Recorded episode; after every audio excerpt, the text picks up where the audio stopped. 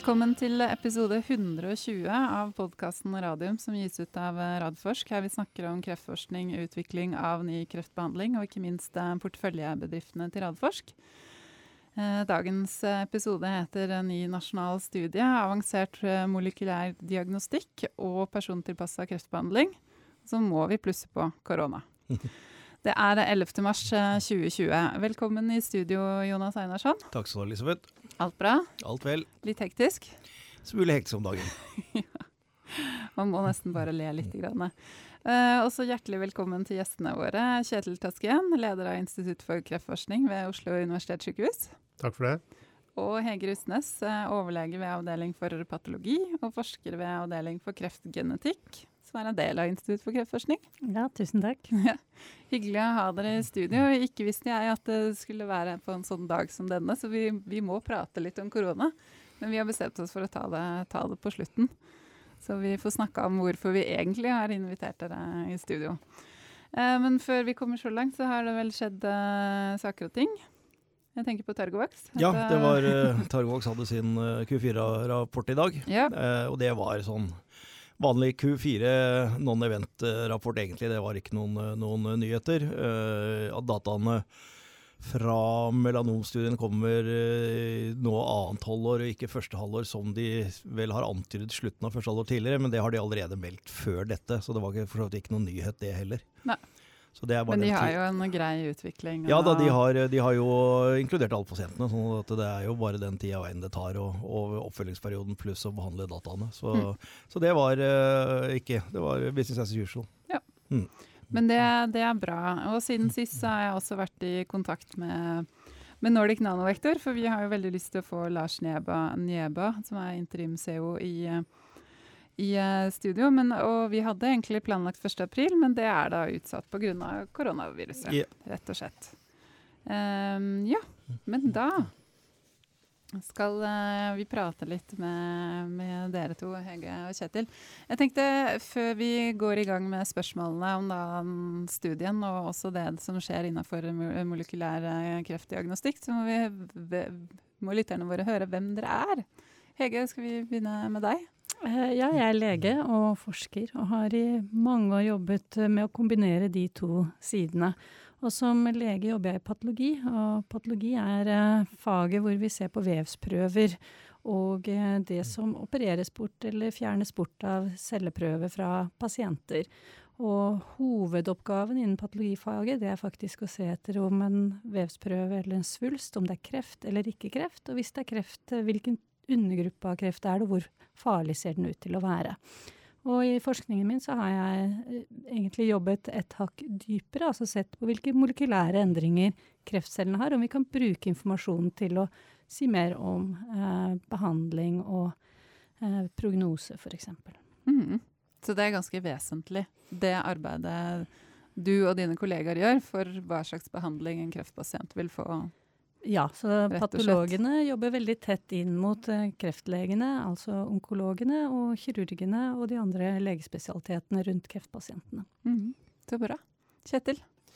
Ja, jeg, jeg, er også lege, men jeg starta å forske i studietiden og har holdt på med det siden jeg bare drevet med forskning hele, nesten hele mitt liv, kan, kan man si. Uh, uh, og jeg fortsatte med doktorgrad og postdoc og, og starta min egen forskningsgruppe mens jeg var uh, postdoc. Og uh, forskningsgruppa mi den holder på med cellulære signalsystemer som bestemmer hvordan cellene skal oppføre seg. Uh, det har vært kreftceller og også andre celletyper, og, og, ganske mye om immunceller og hvordan de reguleres og responderer på utfordringer.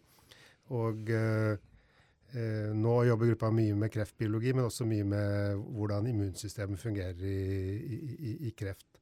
Så jeg har holdt på mye med ledelse. Jeg har vært leder av Bioteknologisenteret. Starta eh, et nasjonalt senter for molekylærmedisin. Så kom jeg til Institutt for kreftforskning som leder der for to år siden. Og i de, i de, rollen, de rollene jeg har hatt sånn, så har jeg holdt på mye med strategi og utvikling og, og hvordan man uh, karriere, driver med karriereutvikling og legger til rette for forskning også. Og så er det vel strengt tatt gründer også. Har vært med å starte noen oppstartsselskaper opp gjennom tida. Det har jeg. Ja. og sittet i flere styrer sammen med meg i selskapene våre. det har jeg også. Ja. Så bra. Men det, da må vi høre litt mer om det initiativet dere har tatt for å starte en, en nasjonal eh, studie. Jeg vet ikke hvem av dere som har lyst til å begynne å fortelle. Det begge to ser på hverandre. Vi, vi kan si, vi, jeg sa jo litt om uh, den molekylære diagnostikken, for det er et nytt begrep som begynner å komme tungt inn i kreftbehandlingen. Uh, og det handler jo om at um, de siste to tiårene så har teknologi gjort det mulig for forskere å se betydelig mer detaljer og nyanser inn i forandringer i kreftcellene. Altså både i DNA, altså i arvestoffet, og i RNA og i proteiner. Og så har man etter hvert eh, fått eh, kunnskap både om at kreftsulster kreftsvulster som kan se ganske like ut for oss eh, i mikroskopet, de kan ha ganske ulike forandringer og dermed ulike biologiske egenskaper. Og det er en viktig nøkkel inn til behandling, behandlingsvalg og behandlingsrespons. Eh, så det vi har sett parallelt med dette, er jo at eh, legemiddelindustrien Eh, retter jo da mye av ny behandlingsutvikling inn mot dette her. Mye, med nye medikamenter og, og, kombinasjoner også. Og hvis vi skal klare å eh, ha riktige grupper av pasienter inn i studier, så må de velges ut fra hvilke biologiske forandringer svulstene deres har. Og det har vi sett at i Norge har det vært utfordrende ved at den kartleggingen av molekylære forandringer i svulster hos kreftpasientene har vært eh, eh, treg å få innført inn i diagnostikken. Mm. Så, så, med det som utgangspunkt eh, så har, har instituttet vært med på et, et, grep gjennom de siste par årene nå for å få dette på dagsorden og finne ut hvordan vi kan gjøre det mer organisert også nasjonalt. Mm. Fra, fra, mitt ståsted så uh, har jeg, jeg leda et arbeid med en arbeidsgruppe i Kreftklinikken som etter hvert ble løfta til nivået OS Comprehensive Cancer Center, eller OS Kreftsenter, som har holdt på å se på hvordan vi skal få til mer implementering av det som heter presisjonsmedisin i kreft, eller uh, individtilpassa eller persontilpassa behandling. Uh, og Hege har vært med på det, og da uh, lagde vi et veldig kort notat før sommeren i, i fjor. og Da sa vi, da sa vi at det var Uh, tre ting som burde skje. Uh, eller vi, vi, sa at vi ønsker å ha den diagnostikken som er nødvendig for å implementere det, og at pasienten får sånn type behandling der det er vist å ha effekt på utfallet, eller der det er sannsynlig. Uh, og så sa vi at vi må lære av lære underveis å bygge kompetanse. Og, og, og, for å få til det så trenger vi tre ting. Vi trenger en sånn molekylærdiagnostisk plattform i OS, sånn at vi ikke går glipp av studier, mm. og at vi kan levere til det som etter hvert skal implementeres. Og så sa vi at vi må eh, skaffe oss så mange studier med, som har det temaet persontilpassa medisin som mulig, tiltrekke oss de. Eh, og så må vi jobbe for å få dette gradvis over i ordinær eh, klinisk praksis. Eh, og OS har respondert på det eh, ved å opprette en seksjon som Hege Rusnes nå leder for ny utprøvende avansert molekylær kreftdiagnostikk. Eh, og så jobber vi nå med det med Kan vi få opp volumet på kliniske studier? Kan vi gjøre mer der? Mm. Men, men da, ja, det, bare popper opp eh, spørsmål når dere prater her. Du sier eh, Hege, at det går tregt med det med den molekylære diagnostikken i Norge. Hva, er det tregt i forhold til hva dere ønsker som, som klinikere og forskere og behandlere, eller kle, eh, tregt sammenlignet med land det er naturlig å sammenligne seg med? Um, det er iallfall det siste. Altså, det er tregt i forhold til de nordiske landene og internasjonalt for øvrig.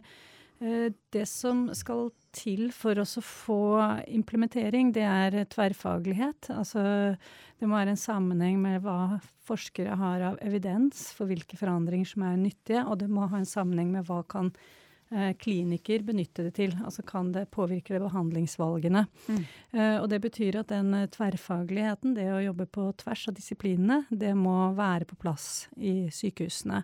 Og vi ser at det er utfordrende i en eh, sykehushverdag som har trang økonomi. Uh, og uh, vi ser at de landene som har fått det til, de har hatt særskilte satsinger inn mot dette her. At det har vært øremerket, og gjerne som uh, samarbeid mellom både offentlig og privat finansiering. og det har manglet i Norge. så derfor har det vært opp til hvert helseforetak å etablere dette mulighetsrommet for å, å komme i gang. Mm. Samtidig så er det vel riktig å si det at når, når uh, kreftmiljøet sa at vi trenger en sånn plattform, så, så har da laboratorieklinikken respondert på det internt i OS. og når, når OS sa at man ville gjøre sånn, sånne organisatoriske grep, så har også eh, det regionale helseforetaket respondert for å gi penger til det. eh, som egentlig kom fra Helse- og omsorgsdepartementet. Så man kan også si at når eh, det, det, som har mangla, har vært initiativ for å komme i gang. Og når vi sier at nå vil vi i gang, nå gjør vi noe, så har det også kommet penger ganske raskt. Eh, sånn at eh, man kan delvis si at det er litt overmodent, og at det, at det, blir, det er respons når man gjør noe. Ganske stor respons. Det er vel riktig å si, er det ikke det? Eh, jo, og det, det, er absolutt riktig. Og, og, det som vi ser skjer i Helse Sør-Øst, og da rettet inn med det etableringen nå på OS med ny seksjon, det har vært for oss å eh, skjerme den type aktivitet med øremerkede midler eh, fra ordinær driftsaktivitet, slik at det er personell og ressurser til å få opp nisjen og mm. få det tverrfaglige samarbeidet som skal til. Mm. Eh, og vi ser også at det, det gir litt gjenklang i andre helseregioner. at man ser at må, det må pekes på området, og man må avsette ressurser til det. Så det er i gang. Eh, en annen ting som vi har sett i Norge, er at eh, altså vi har et uh, interessant finansieringssystem. Fordi vi har en uh, blanding både av um, sykehusfinansieringen, altså grunnfinansieringen til sykehusene, og så har vi også et refusjons, nasjonalt refusjonssystem. Og den kombinasjonen er ganske unik og veldig bra, egentlig, med tanke på like muligheter for pasienter til samme nivå på helsevesen det som har vært uheldig, er at eh, refusjonsordningen har hengt etter. Så mye av de eh, refusjonene passer ikke til eh, nye metoder som mm. Eh, er tatt inn. Eh, og det er også noe som er blitt belyst nå siste året. Og det er kommet nye refusjonssatser, sånn at man faktisk kan få dette implementert inn. Eh, men det har tatt tid. Og mm. der må det være en dynamikk, sånn at det hele tiden endrer seg. Fordi fagfeltet endrer seg så raskt. Ja, ja, for her vil det jo vel være sånn at det, altså når det kommer nye persontilpassa medisiner, så må det jo de raskt inn i refusjonssystemet. Eller forstår jeg det riktig? Ja, de, de må i hvert fall uh, rimelig raskt inn i, i, i refusjonssystemet, og, og, på en sånn måte at vi gjør de eh, helseøkonomiske vurderingene om dette er god bruk av penger og sånn mm. uh, i parallell, og kanskje også på en måte som tar høyde for at vi kan ofte snakke om små pasientgrupper her i den typen studier som vi foreslår nå. Da, mm. si. Men da må dere fortelle litt mer om studien. Eh, ja, eh, du, du, du, kan si Hvis man går til Nederland eh, og ser eh, på en studie som heter DRUP, Drug Repurposing Protocol, som har vært kjørt i Nederland. Den starta i 2017, og, og de rapporterte på Esmo i september 2017 2019 i Barcelona på de to første årene.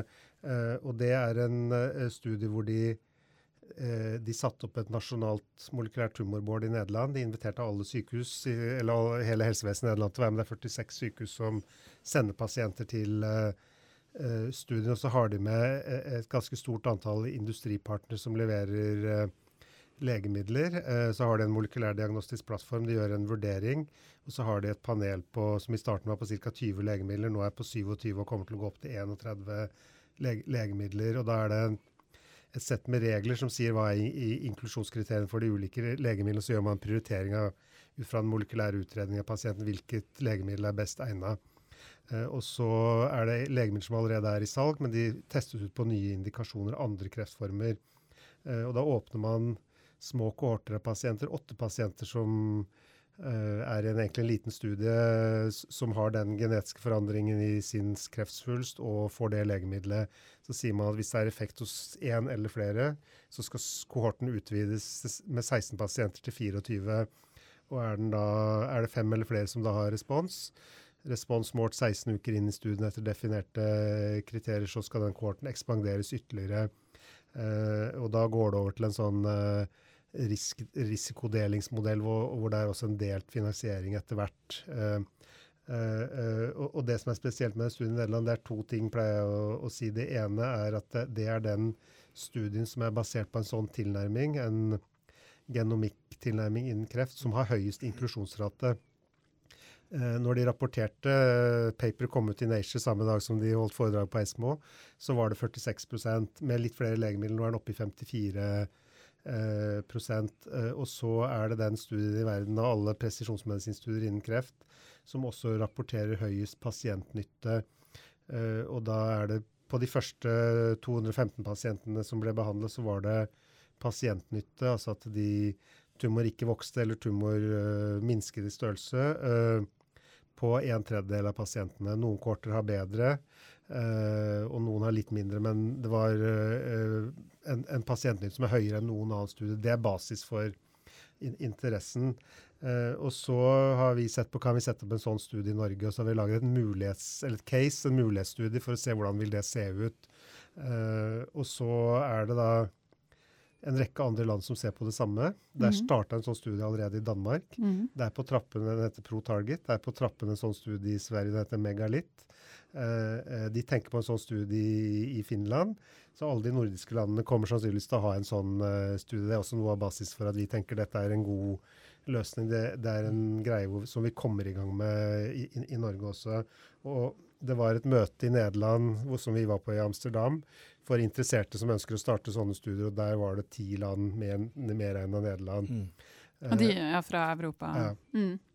Og Noe av grunnen til at, så, at nederlenderne inviterer til det og, og, og deler mye, og sånn, det er også at uh, noen kohorter har fylt seg opp veldig fort, mens noen kohorter er det vanskelig å finne pasientene. Mm. Fordi vi snakker om små pasientgrupper når du sier én bestemt diagnose, én bestemt genetisk forandring, ett bestemt drug. Uh, så da er det en fordel både for oss som er forskere og, og behandlere, eller som jobber med pasientene, og for industrien, at vi, hvis vi deler data på tvers i Europa. Mm. Ja, for da vil jo en, altså disse små kohortene som du sier, når du legger det sammen fra alle landene, så vil du få ganske mye data. Vi kan få mer data, og det blir mer effektivt. Da. Mm. Eh, dokumentasjonen i presisjonsmedisin. Mm. Men eh, hvilke kreftpasienter er det tenkt at man skal kunne inkludere? Hvilke in kreftpasienter inkluderer man eh, i Nederland? I, I, Nederland og i Danmark som har starta, så sier de at dette er for pasienter med avansert kreftsykdom. altså spredning eller der hvor de har brukt opp andre, mer eller mindre brukt opp andre behandlingsmuligheter. Mm. Uh, uh, i, i, Norge tenker vi at vi skal sette opp et nasjonalt molekylært tumorboard, et, uh, som kanskje har møte hver uke, for å diskutere og henvise pasienter. Alle regionene har sagt at de vil være med. Veldig mange sykehus har sagt at de vil være med i Norge når vi har undersøkt dette. og så tenker vi at de pasientene fordi det skal være tilgang for alle pasienter i Norge, hvis det skal være et offentlig-privat samarbeid, myndighetene skal også inn med noe på finansiering, mm. kan henvises til et sykehus som har en sånn molekylær diagnostisk plattform som Hege snakker om. I første omgang vil det være OS og Haukeland. Det kan bli flere sykehus etter hvert. Eh, så får de en genpanelutredning, eh, og så får de en diskusjon om hvilket legemiddel det er. Så må vi ha med så mange industripartnere også at vi klarer å kjøre sånn regelbasert algoritme som de har gjort i, i andre land. Mm.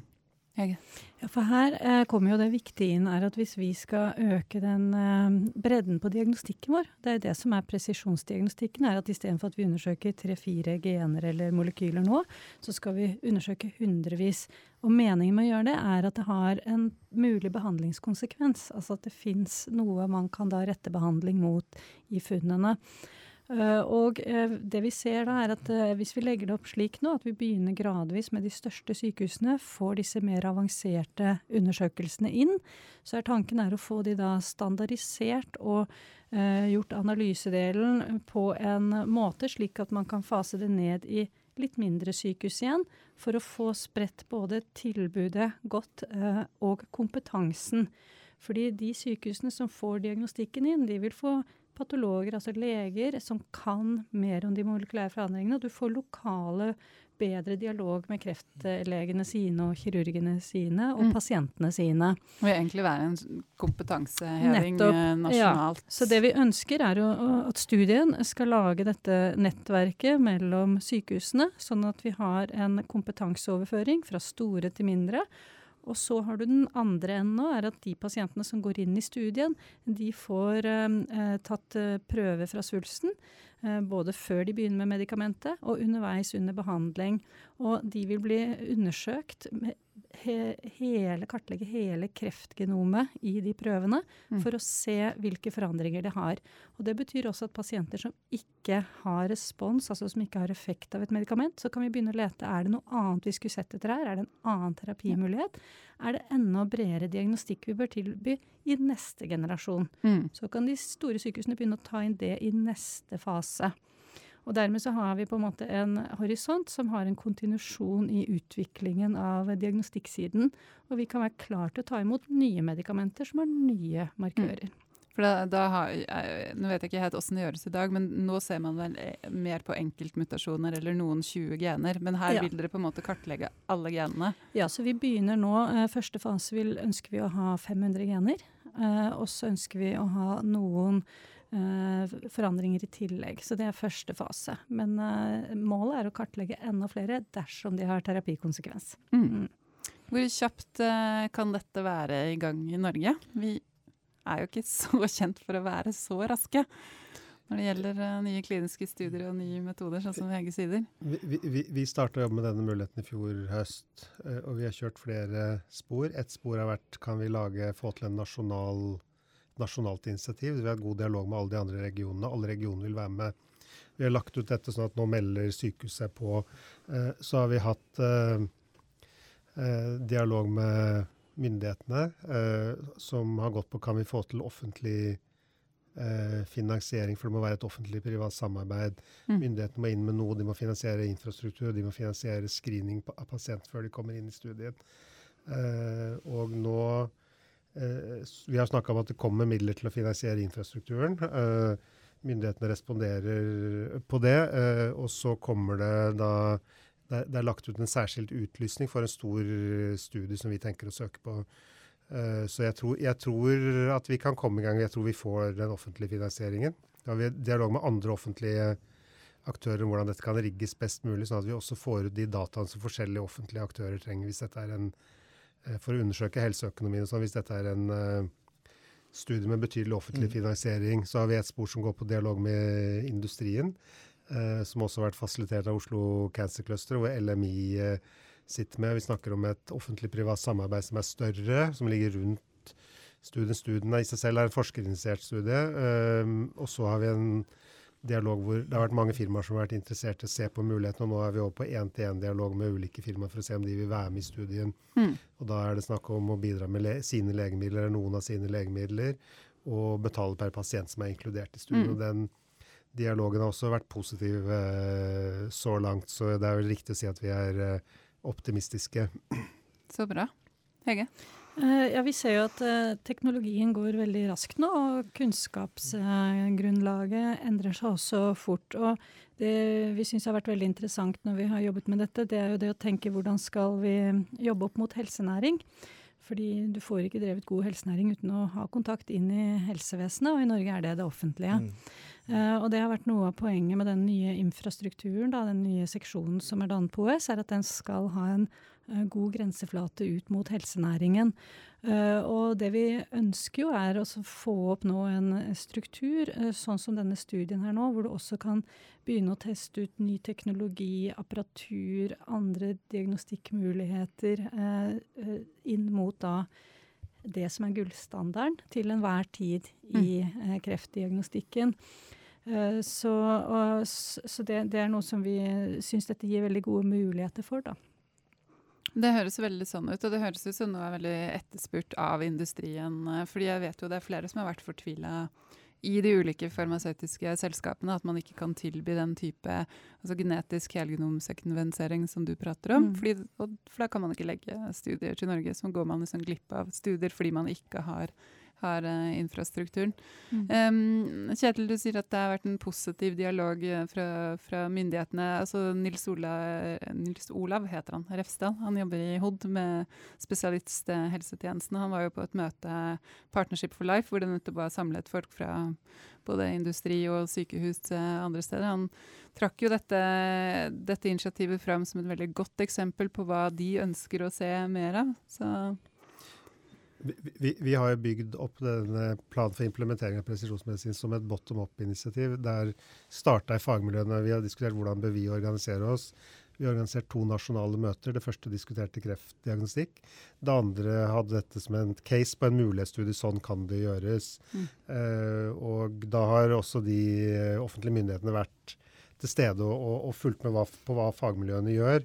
Eh, eh, og eh, jeg tror det er riktig å si at vi har hatt god dialog med myndighetene, og også at eh, Helse- og omsorgsdepartementet har villet og vil at det skal skje noe når det gjelder persontilpasset medisin. Så når vi viser at vi vil, og at vi foreslår noe mm. eh, og organiserer noe, så har det vært eh, god respons på det. Jeg tror det han sa i det møtet du refererte til, det gir uttrykk for det. Mm, ja, absolutt. Og det har jo vært noe som Bent Høie har sagt, at her har man på en måte ikke gjort nok i Norge under hans vakt som helseminister, som har vart i ganske mange år, kan man mm. jo si. Uh, sånn at jeg tenker jo dette her må jo være midt i blinken i forhold til hva, hva statsråden ønsker og hva departementet jobber med så, så, er det sånn at vi, vi, vi, vet ikke hvor mange pasienter dette er aktuelt for. Men hvis vi lager en sånn molekylær diagnostisk plattform og sier at den er for uh, et nasjonalt tumorboard, uh, og sier at dette er for uh, pasienter med avansert kreftsykdom, så tror vi, basert på tall fra Danmark, deres estimater, at det kan være aktuelt å henvise kanskje 500 pasienter i året til den. Det er det Danmark regner med, noe sånt nå. Uh, Kanskje halvparten av inkluderes i en sånn type klinisk studie. Pasienter kan også henvise til andre kliniske studier. så Vi tror ikke denne vil stjele pasienter fra andre kliniske studier. Kanskje kan vi få til mer mm. kliniske studier som en konsekvens av dette. Uh, uh, og så tror vi da at det kan ha noen andre effekter. Det var veldig tydelig uttrykk fra Ulrik Lassen, som leder den danske studien, når vi var i København og snakka med han om hvordan det arbeidet har vært. og Det slo inn før de starta den danske tilsvarende studien som heter ProTarget. For de hadde da vært oppe en stund med en molekylær diagnostisk plattform og fått opp volum på kliniske studier. Han sa at det var tre ting som skjedde. Eh, eh, det ene var at eh, pasient, det, det at pasientene ville ha utlevert sine egne prøver fordi de skal kjøpe seg diagnostikk privat eh, i utlandet. Det er borte i Danmark. Ja. Eh, og så Det neste som skjedde, var at eh, det at pasienten søker om å få behandling off-label utenfor protokoll, eh, det er også nesten borte i Danmark. Det er, mm. det er, stor aktivitet i Norge nå. Det er stort mm. trykk på kreftmiljøene. Uh, og det tredje som skjedde, sier han, var at henvisning til ekspertpanelet i Danmark gikk ned. Mm. Fordi de som sier at de har behov for en second opinion for de får, øh, Det gir jo uttrykk for at pasientene får øh, et tilbud til, mer tilbud. De får diagnostisk utredning, og får, mange av de får et, en behandlingslinje til. Mm. og så tenker jeg at det er bra for pasientene. Det er også bra for fagmiljøene, både i industrien og oss, fordi vi får ting på protokoll istedenfor utenfor protokoll. Da kan vi mm samle dokumentasjon. Uh, og så er det også bra for myndigheten fordi man flytter uh, fokus fra enkeltpasienthistorier over til, uh, til de mer prinsipielle tingene som det kanskje er viktigere å konsentrere seg om. Mm. Ja, for det, det, lurte jeg egentlig litt på når jeg leste om dette her, og det er den grenseoppgangen opp mot ekspertutvalget. Vil, vil, på en måte en sånn nasjonal studie sånn som dere etablerer her, egentlig gjøre ekspertutvalget overflødig? Eller ser dere for dere et tett samarbeid der hvor ekspertutvalget, som da består av de fremste onkologene i Norge, heller henviser over til dere, eller? Eh, vi tror jo at det er molekylære tumorbordet, som er tenkt som et virtuelt tumorbål, hvor du har noen faste eksperter som sitter inne, men at du kan koble deg opp fra de henvisende sykehusene.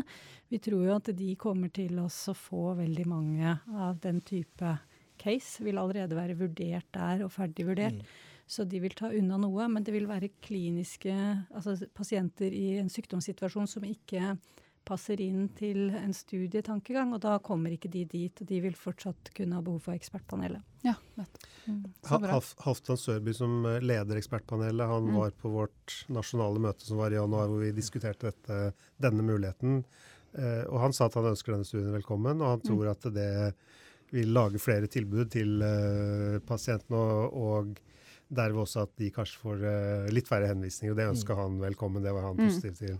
Ja, ja, jeg tenkte ikke det at det var en sånn type konkurranse. fordi jeg, jeg, jeg det, han også, sånn heller, men, det han også har sagt, er jo at det har vært litt fortvilende. fordi de har jo ikke hatt de kliniske studiene hvor de kan mm. sende pasienter til. Mm. Så dette vil jo da løse en av de utfordringene som de, de har der.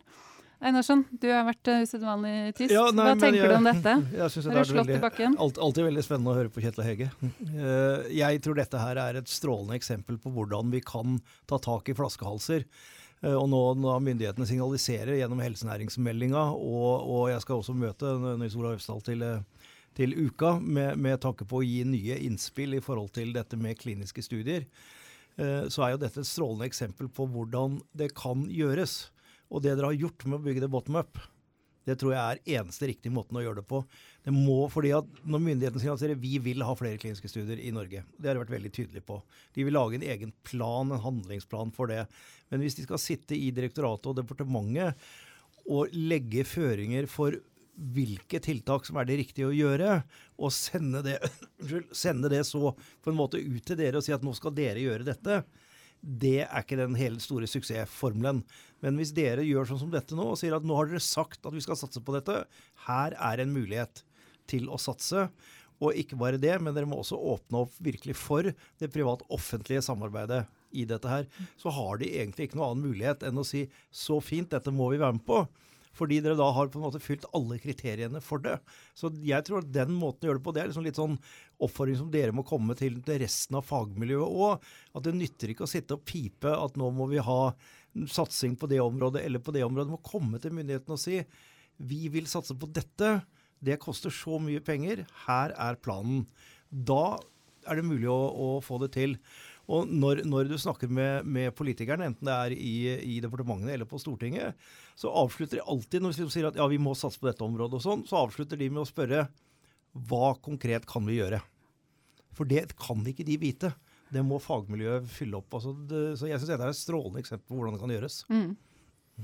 Eh, Vi, vi tror jo at vi vil kunne utløse en del eh, offentlige bidrag til dette som vil ta det vi kan kalle pukkelkostnader. Vi kommer i gang, det er kjempefint. Eh, du refererte til eh, eh, mer overordna plan fra HOD for kliniske studier. Vi har snakka om molekylærdiagnostisk plattform også. Jeg, tror at når det gjelder offentlig-privat samarbeid, den offentlige delen av finansiering, utover en toårshorisont eller to-tre-årshorisont for en sånn studie som dette her, så må vi over, vi- bør vi over på mer generiske mekanismer, som f.eks. takster. Ja. At øh, myndighetene sier at øh, gjør man en molekylærgenetisk utredning av en kreftpasient, så utløser det en takst. Da får man en mekanisme som ikke bare gjelder denne studien, men gjelder alle studier. Eller, og inkluderer man en pasient i en studie, så får man også en takst. Eller Ja. hver gang man ser en studiepasient, så får man en takst. For da får man en mer standardisert eh, subsidiering av kliniske studier som vil gi Norge et konkurransefortrinn Ja, det- eh, det når det gjelder tiltrekke seg studier. Jeg er helt enig, og det er veien å gå til at kliniske studier som denne og andre blir en del av standardbehandling. Yes, Og det skal jo være målsettinga vår. At kliniske studier det er en del av standardbehandling. nettopp. Og da er det veien å gå, som, som du sier der, og det, det, det er jeg helt enig i. Og det er flere helseøkonomiske aspekter i dette her. fordi at vi har medikamenter som jo har kosta veldig mye penger å utvikle, og som er utvikla innenfor én indikasjon. Og, en, den størst mulige indikasjonen, for det er det et farmaselskap må gjøre. Vi har den største mulige indikasjonen vi kan få for dette preparatet, fordi da tjener vi mest mer penger på det, flest pasienter blir behandla for det. Men så vet jeg at dette høyst sannsynlig også kan brukes i andre undergrupper og underindikasjoner og små grupper. Men det er nesten umulig for et farmaselskap å kjøre et fullt klinisk løp fra, fra fase 1 på sånne små indikasjoner. Men de indikasjonene kan jo utvides gjennom nettopp denne type studier, hvor du allerede har et preparat som er godkjent, men som kan brukes på flere pasienter. Så det, det har også en helseøkonomisk aspekt i det. Absolutt. Uh, utrolig spennende å høre om dette. Vi, vi må holde lovnaden vår og snakke litt om korona. Jeg ser tiden går, og dere er veldig travle. Hvordan er det på, på Radiumhospitalet nå? Hvordan er det med forskningen deres? Altså, hva, hva opplever dere i deres hverdag i helsevesenet? Sykehuset har jo holdt på med mang, i mange uker med å forberede seg på en uh, situasjon hvor vi vil få koronaepidemien til Norge, og hvor vi også kan få en uh, pandemisituasjon. Kreftklinikken har forberedt seg på det. Eh, kreftklinikken har vært strengere og tidligere ute med tiltak enn det hele sykehuset har vært, fordi vi vet at kreftpasienter potensielt er mer sårbare enn andre pasienter.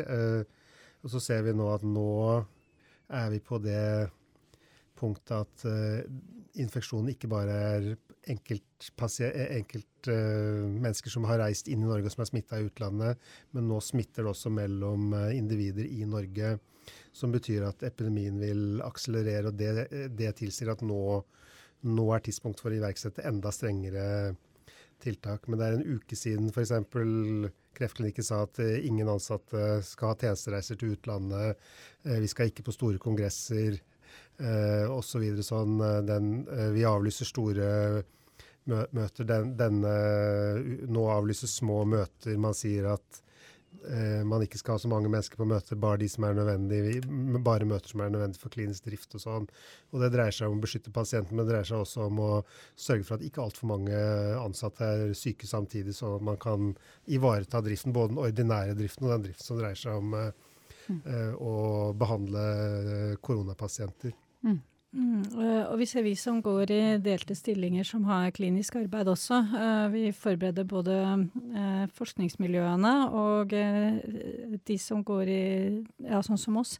At det blir arbeidsforflytning nå, at det kommer nye arbeidsoppgaver. For med en gang det kommer sykefravær i deler av drift som er kritisk, så flyttes folk. Så, og det, alle er veldig innstilt på det. Eh, men det som er viktig, er at samtidig så skal vi opprettholde eh, den aktiviteten vi har i forskningen så godt vi kan. For det er en uh, veldig viktig del for samfunnet at vi opprettholder vanlig mm, aktivitet. Genererer jo ny kunnskap. Ja, så vi er nødt til å, å, å gjøre det også. Men mm. uh, vi har alle, uh, alle seksjoner har satt opp prioriteringslister over oppgaver, så vi vet akkurat hvilke oppgaver vi tar bort ettersom hvordan bemanningen er og hvordan situasjonen er.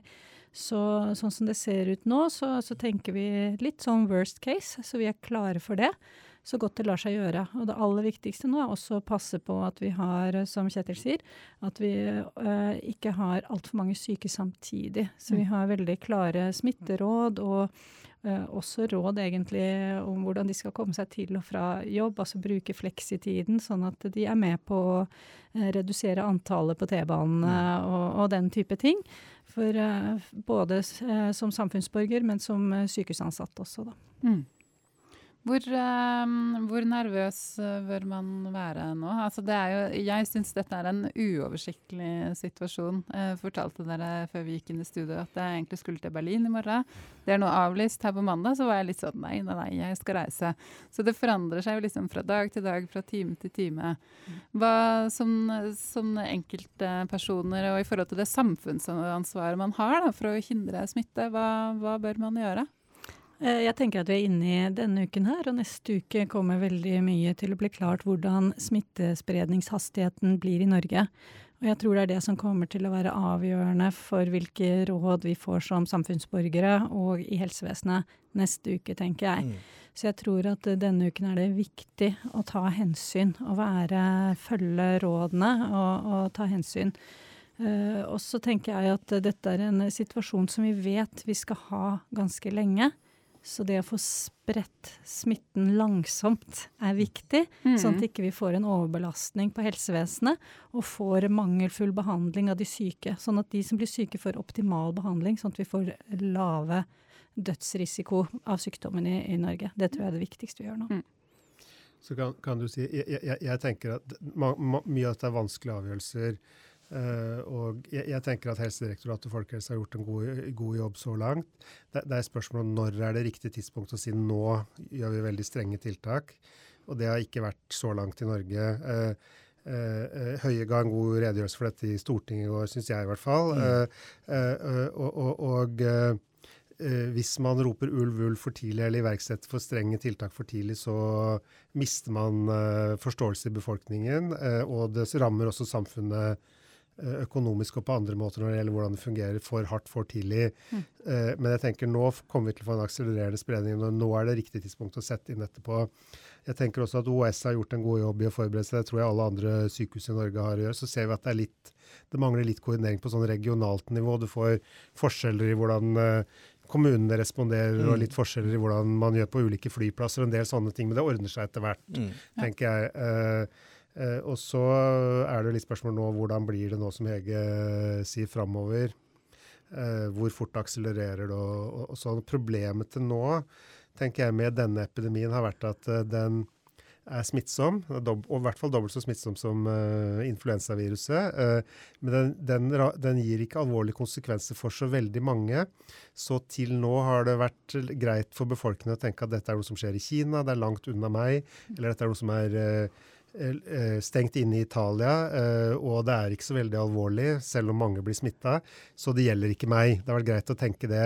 Og så gjelder det å ta inn over seg nå etter hvert at det kan gjelde meg. Hvis jeg smitter andre, så kan det ha konsekvenser. Hvis vi ser på SARS, så smitta SARS ca. 8500 mennesker, tror jeg. Mm. MERS, som kom etterpå, smitta under halvparten av det igjen. Og, men de hadde mer alvorlige konsekvenser, så folk tok mer konsekvenser for seg selv og sin egen atferd tidligere. Eh, og det er det som vi har mm. sett at her det, det, er alvorlig, men det er ikke alvorlig nok til at det, det veldig fort fører til at folk eh, endrer atferd. Men det, de atferdsendringene må komme nå etter hvert som vi får det til Norge.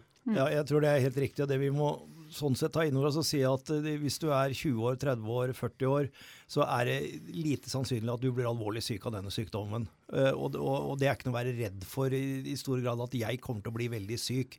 Sånn runda, godt runda 60 som jeg er, så kan jeg være litt mer bekymra, men ikke noe særlig mer bekymra. Men det du skal være bekymra for, er at du kan spre den smitten til de som er eldre og har andre underliggende sykdommer.